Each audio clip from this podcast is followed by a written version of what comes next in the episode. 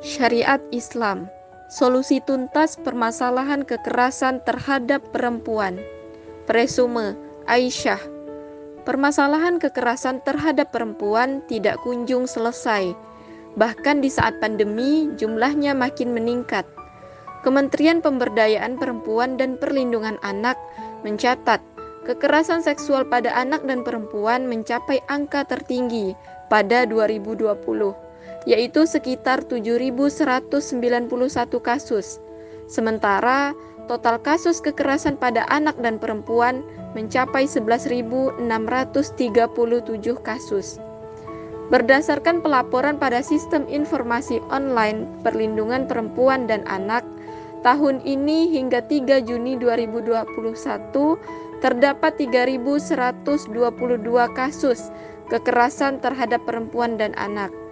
Dari data itu, angka kekerasan seksual masih mendominasi. Banyak pihak telah melihat fakta tak terbantahkan ini dan mereka berupaya untuk menyelesaikan permasalahannya.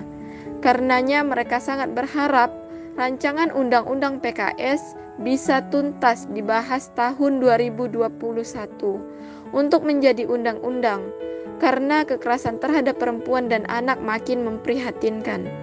Mereka menilai jika rancangan undang-undang PKS segera disahkan sebagai undang-undang akan mampu menyelesaikan masalah kekerasan terhadap perempuan. Benarkah demikian?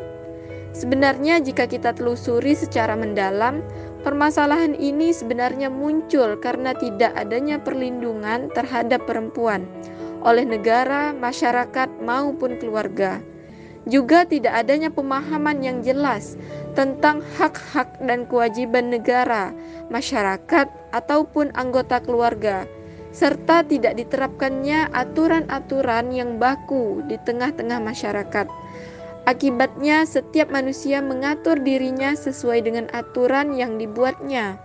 Hal inilah yang melanda kaum Muslimin, yang terjadi karena sistem sekuler kapitalis tengah mencengkram dunia Islam. Sistem sekuler kapitalisme ini telah membuat kehidupan manusia kacau karena menihilkan aturan Allah Subhanahu wa taala. Dalam kehidupan bermasyarakat, memisahkan agama dari kehidupan. Ketika sistem sekuler kapitalisme ini masih terus dipertahankan, kekerasan akan terus meningkat, baik menimpa perempuan maupun laki-laki. Hal ini merupakan indikasi bahwa tawaran solusi rancangan Undang-Undang PKS untuk menyelesaikan masalah kekerasan terhadap perempuan sesungguhnya hanyalah sebuah harapan palsu bagi umat.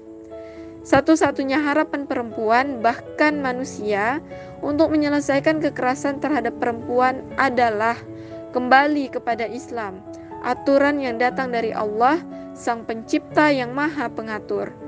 Al-Quran telah memaparkan dengan jelas bahwa Nabi Muhammad diutus ke dunia sebagai rahmat bagi alam semesta.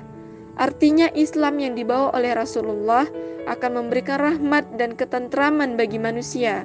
Di muka bumi tentu saja jika kita melaksanakan Islam secara kafah. Betapa pentingnya terus mengedukasi umat bahwa persoalan kekerasan dan pelecehan kehormatan perempuan tidak akan pernah selesai kecuali dengan menerapkan Islam secara sempurna dalam bingkai naungan khilafah.